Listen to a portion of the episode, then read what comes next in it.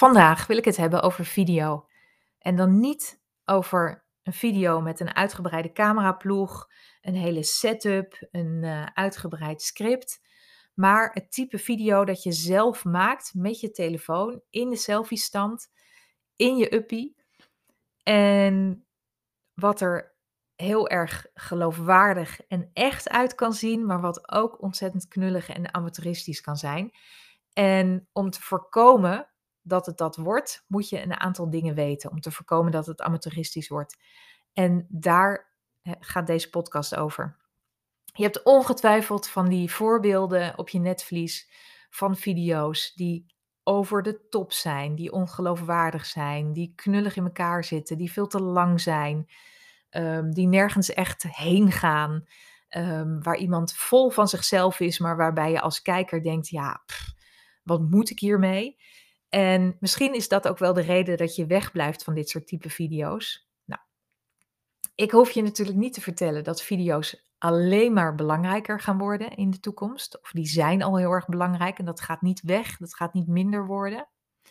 Dat het handig is om bedreven te zijn in het spreken voor de camera. En dat het ook heel erg onderscheidend kan zijn, zeker als je ergens ja, op, een, op een mooie positie zit, als je een goede naam hebt opgebouwd. En het is leuk om het voorbeeld te noemen van Jacinda Ardern, de premier van Nieuw-Zeeland. Die, nou, hoger kan je niet zitten natuurlijk in, uh, in, in een land, een hogere plek kan je niet krijgen. En zij maakt ook laagdrempelige selfie-video's. Um, vanuit haar huiskamer, waar je de kinderen op de achtergrond hoort.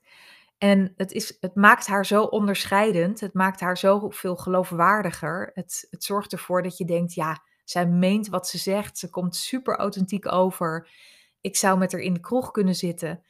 En juist omdat zij hè, daarmee iets anders toevoegt aan haar merk dan het formele, het officiële, het uh, hoogdravende, werkt dat heel erg goed. Dus ik denk hoe hoger je in de boom zit, hoe interessanter het is om te kijken, kan ik het ook laagdrempelig doen? Kan ik het ook op zo'n manier doen dat het voelt alsof er niks tussen zit, alsof er geen laagjes tussen zitten? Um, ja, alsof ik echt benaderbaar ben op die manier. Um, omdat dat dus zo zoveel toevoegt aan het vertrouwen dat je doelgroep in je kan hebben, aan je geloofwaardigheid, maar ook aan je onderscheidende vermogen. En ik denk dat het ja, de leider van de toekomst, of de leider van vandaag, denk ik al, dat die heel makkelijk in staat is om dit soort video's te maken. Om voor de camera te praten, zijn of haar verhaal te doen, waarvan je als kijker dan echt denkt: wauw, die meent wat hij zegt. Dit komt super authentiek over. En daarvoor is het handig om te weten, wat moet je dan doen voor de camera? Hoe zorg je er dan voor dat het niet amateuristisch wordt? Hoe zorg je ervoor dat het gewoon geloofwaardig, echt overkomt, dat je je als kijker ook serieus genomen voelt en um, dat het dus een mooie bijdrage is aan het merk wat je hebt. Voordat ik in de inhoud duik, um, met de meeste van mijn klanten werk ik ook met video, niet met iedereen. Um, ik probeer iedereen uit te dagen om het in ieder geval te proberen, om het te gaan leren, omdat het, ja, omdat het heel erg bij kan dragen. Dus is mijn stellige overtuiging aan je leiderschap, aan je inspiratiekracht, aan je geloofwaardigheid. Nou, als ik het verschil zie tussen mijn klanten die wel video inzetten en die niet video inzetten, dan kan ik echt met grote zekerheid zeggen dat video een enorme bijdrage levert aan inspirerend zichtbaar zijn, aan het vertrouwen dat je doelgroep in je heeft en het gevoel van nabijheid.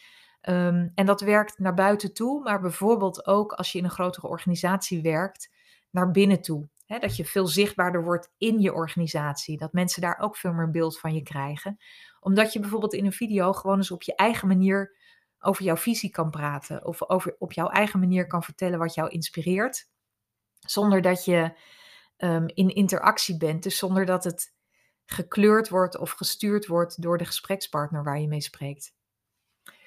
Oké, als ik naar mijn eigen video's kijk, Um, hoe ik het zelf aanpak, dan is het echt absoluut niet zo dat die altijd in één keer zijn gemaakt. Sterker nog, de keren dat ik zo'n makkelijke selfie-video opneem en dat de eerste opname de goede opname is en dat ik die deel, is heel erg klein. Veel vaker maak ik de video en moet ik die echt wel een aantal keer opnieuw doen voordat ik tevreden ben. En dat was eerst iets waarvan ik dacht, ja, hè, als je het goed doet, moet je dat toch in één keer doen. Maar ik vind toch als je ja, bepaalde eisen stelt aan hoe je over wil komen, aan hoe je verhaal wil zijn, dat als je wil dat je je verhaal goed vertelt, dan is er ook wat voor te zeggen om, dat, ja, om jezelf de tijd te gunnen om dat te doen en het dus wel een paar keer over te doen totdat je tevreden bent.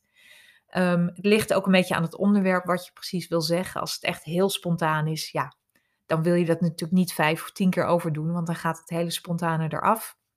Maar als het je gaat om het overbrengen van een belangrijke inhoud, is het helemaal niet raar om dat een paar keer uh, over te doen. Ook omdat je daarmee steeds bedrevener wordt erin en steeds meer gaat zien wat wel en niet werkt. Nou, als we het daarover hebben, wat wel en niet werkt, er zijn drie dingen um, die bepalen of een video een leuke, goede video is. En dat is het plaatje, de energie en de inhoud. Video is echt een samenspel tussen die drie dingen. En elke video die je gaat bekijken, als je die bekijkt van hoe is het plaatje, hoe is de energie en hoe is de inhoud, dan kun je heel goed aanwijzen waarom je die video wel of niet goed vindt. Bij een goede video spelen die drie dingen, nou versterken die elkaar en werken die er echt heel goed samen. Um, bij een mindere video dan kun je altijd aanwijzen dat één, in ieder geval één van die drie dingen niet helemaal lekker loopt. En laten we beginnen met het plaatje. Want een video kun je je eigenlijk voorstellen als een één op één gesprek wat je met iemand hebt.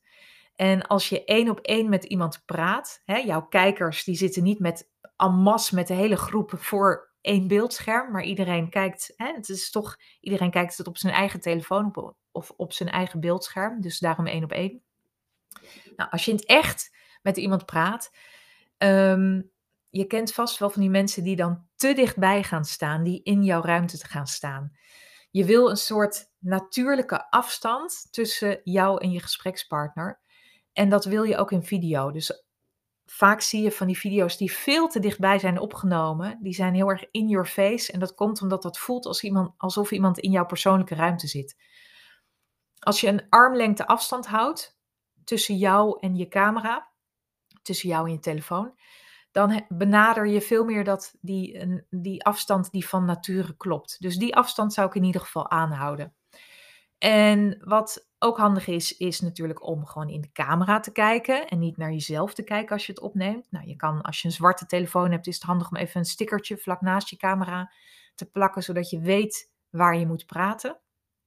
Um, en om je ogen op twee derde van het beeld te doen. En dat zorgt ervoor dat er nog een stukje boven jou is, boven je hoofd, maar ook dat er genoeg ruimte is onder je hoofd, zodat als je ondertiteling toevoegt, dat dat niet over je kin loopt of door je mond heen loopt, maar dat dat, um, ja, zeg maar op borsthoogte ongeveer door beeld gaat. Je kan ook nog wat verder weg gaan staan, maar als je echt heel ver weg gaat staan, dan klopt het weer niet en dan mist het een beetje die intimiteit. Um, verder voor het plaatje, belangrijk dat er licht op je gezicht valt, natuurlijk. Dus dat we je ogen kunnen zien. En ja, dat, dat het. Nou, het is handig natuurlijk om even te kijken wat is er op de achtergrond. Um, hè, wat, wat zien mensen? Is dat ook het beeld wat jij, uh, ja, wat je wil dat anderen zien? En natuurlijk, maar die klinkt zo, dat is natuurlijk zo logisch om even in de spiegel te kijken van tevoren of er geen slaat tussen je tanden zit of uh, slaap in je ogen. Of um, nou, om dat gewoon even, even te checken hoe je eruit ziet. Net zoals dat je dat in een één op één gesprek, um, bijvoorbeeld met een nieuwe klant, iemand die je nog niet kent, dat je dat ook eventjes doet, tenminste, meestal. Um, dat is één, dus het plaatje. Als je je aan die dingen houdt, dan zit je met het plaatje goed. Um, waarbij, ja, nog één ding, dat het als je hem zelf vasthoudt, je camera, dan kan het heel makkelijk gebeuren dat het heel erg bibbert, je beeld. Nou, dat is ook niet zo fijn om naar te kijken. Dus zet hem dan even ergens op. Gebruik een statief. Plak hem vast met, uh, met plakband op een deur, op, uh, nou ja, goed, op het raam. Um, in ieder geval dat het niet gaat trillen. De energie is ook een heel belangrijke. Waar dat vaak mis kan gaan, is dat het of te ingedut is. Dat iemand zeg maar, ja, onderuitgezakt zit op de bank en overontspannen zijn verhaal doet, waardoor, die, ja, waardoor je niet aanstaat. Je wil echt wel aanstaan. Ehm, je wil de alerte versie van jezelf in beeld brengen. Andere kant is als iemand echt gaat performen alsof je voor een grote zaal aan het spreken bent. Ehm, video is dat niet. Video is echt, moet je echt zien als één op één contact. Dus als jij gaat presenteren alsof je op een podium staat en een hele zaal moet vermaken, dan gaat het zo over de top. Dan ga je dingen doen die je nooit zou doen in een één op één gesprek. En dan voel je je als kijker gewoon niet serieus genomen. En dat is wel wat je wil. Je wil als kijker serieus worden genomen. Dus je wil niet, ja, ehm, het, het kan heel kinderlijk voelen als het heel erg over de top is. Dus hoe zou je, hoe zou je je opstellen? Hoe zou je, wat voor energie zou je in een gesprek brengen als je met iemand in gesprek bent waar je jezelf niet hoeft te verkopen? Ehm, maar bijvoorbeeld bij een klant die al vertrouwd met jou is, die overtuigd is van jouw waarde, waarmee je op de inhoud een gesprek ingaat. Hoe zou je dan praten? Nou, zo wil je praten op je video, want dan ben jij op je echts, dan ben je aan en alert zonder allerlei extra dingen te gaan toevoegen. Je hoeft niks extra's toe te voegen behalve dat je even jezelf aanzet en alert bent. Um, ja, ik zit te denken, kan ik nog meer vertellen over, over de energie, maar ik, daarmee heb ik echt al het, uh, het, het goede te pakken. Dat het dus, er is echt een verschil tussen podium en video. Dan de inhoud. Natuurlijk een hele belangrijke en voor veel van de mensen waarmee ik werk de belangrijkste. Waarbij de valkuil is dat je denkt dat alles in de video moet zitten. Dus dat je video compleet moet zijn. En de gedachte of het idee daarachter, of waar, de reden dat het misgaat, is dat we heel vaak als we die inhoud maken, dan heb je je collega's voor ogen of je vakgenoten. Um, of misschien wel je studiegenoten. Mensen in ieder geval waarbij je denkt, ja, die moeten ook wel. het, het, het, moet niet te simpel zijn. Um, want het moet voor hen ook kloppen wat ik zeg allemaal. En mijn idee is dat je die hele groep mag vergeten. Dat je je echt op je doelgroep mag richten. En je doelgroep heeft vaak helemaal niet zoveel inhoud nodig, want die verdwalen daarin. Uh, die worden compleet overvoerd als jij volledig wil zijn. In je video wil je meer een, ja, boven de stof hangen. En het verhaal of het punt wat je wil maken, wil je op een simpele manier, op een begrijpelijke manier, op een korte manier vertellen. Als je het uitschrijft, um, een minuut praten zijn ongeveer 120, 130 woorden.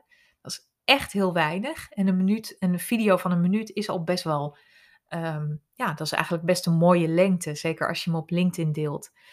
Um, en een video van drie minuten is bijvoorbeeld al behoorlijk lang. Ik heb ze vaak gemaakt, 2,5 minuut zo'n beetje.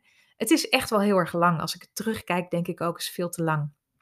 Misschien wel voor een specifieke als je doelgroep al helemaal is voorgeselecteerd, of misschien in, eh, als die in een, een aparte setting zitten, maar zo op een, op een algemene tijdlijn waar iedereen het kan zien, um, is één minuut een prachtig streven. En um, dat, ja, dat noodzaakt je ook om het kort te houden. Wat je doet is dat je meteen met de deur in huis valt. Dus je neemt niet een lange aanloop, maar eigenlijk in de eerste paar seconden, in de eerste vijf seconden, moet degene voor wie het bedoeld is, die video, die moet kunnen snappen. Deze video is interessant om uit te kijken. Dus dat betekent dat je meteen vertelt waar je video over gaat, of dat je meteen nieuwsgierigheid opwekt door bijvoorbeeld een, een stelling, op te, een, een stelling te, te vertellen. Ehm, die tegen de normale logica ingaat. Of te beginnen met een anekdote die meteen nieuwsgierigheid opwekt. Maar in ieder geval moet het in die eerste paar seconden, moet degene voor wie die video bedoeld is, moet echt getriggerd worden om het uit te kijken. Nou, na, die, na, die in, na dat stukje triggeren ga je naar de inhoud. Daar vertel je je punt. En misschien is dat één punt, maar hooguit de drie punten. Ik heb wel eens een video gemaakt waar ik tien punten afging. Is echt veel te veel. Die moet je gewoon in 10 korte video's knippen. Gewoon 10 aparte video's. Ehm, en daarna ga je natuurlijk al gewoon naar de afsluiting, waarbij je even aangeeft wat is de volgende stap voor iemand die interesse heeft. Hè, waar kan hij meer informatie vinden? Of hoe kan hij met jou in gesprek komen? Of wat kan hij aanvragen om, uh, om een volgende stap te maken? Dus wat is er nodig als jij die video interessant vond om meer daarover te weten te komen? En wat we vaak vergeten is dat um, er zit natuurlijk ook een tekstje bij daarboven. En het is goed om je voor te stellen, stel je voor ik ben, ik kom op jouw verjaardag, ik neem een boek mee en ik geef jou dat zonder iets erbij te zeggen. Dan heb jij helemaal niet een clue waarom ik dat boek voor jou uit heb gekozen, of ik het zelf heb gelezen, wat ik ervan vond, waarom ik vond dat dat bij jou paste. Terwijl als ik er een korte inleiding bij geef, dus ik vertel er wat bij, ik vertel nou, ik heb dit boek, um, hè, ik, ik, ik las erover, ik moest aan jou denken en dit is waarom ik aan jou moest denken, dit is waarom ik denk dat het interessant voor jou is. Dan krijgt iemand context en dan snapt iemand dat boek veel beter. Zo werkt het ook met een video. Zo'n video heeft ook even een tekst erbij nodig waarbij jij aangeeft waarom je die video hebt gemaakt, waar die over gaat en waar je dus ook meer details kwijt kan. Dus als jij een verhaaltje wil vertellen waar bijvoorbeeld een jaartal belangrijk is, of een, een functie of een naam, of nou ja, nog meer feiten en cijfers. Zet die vooral in de tekst erbij. En ga in de video toch veel meer, zeg maar, erboven hangen, boven de stof hangen. En vertel wat de essentie is van dat verhaal. He, wat, wat uiteindelijk de betekenis ervan is, of wat de waarde ervan is. Vertel daar iets over. En val dus niet in de valkuil van te veel details willen noemen. Als ze belangrijk zijn, zet ze in de tekst erbij. En zet er dus ook zeker een tekst bij waarbij je een beetje context geeft voor die video. Ehm, als je die drie dingen weet, het plaatje, of als je weet van eh, elke video bestaat uit het samenspel van plaatje, energie en inhoud, dan kun je je eigen video's heel goed um, sturen daarop. En dan kun je dus ook precies bij andere video's zien waarom je ze wel of niet goed vindt.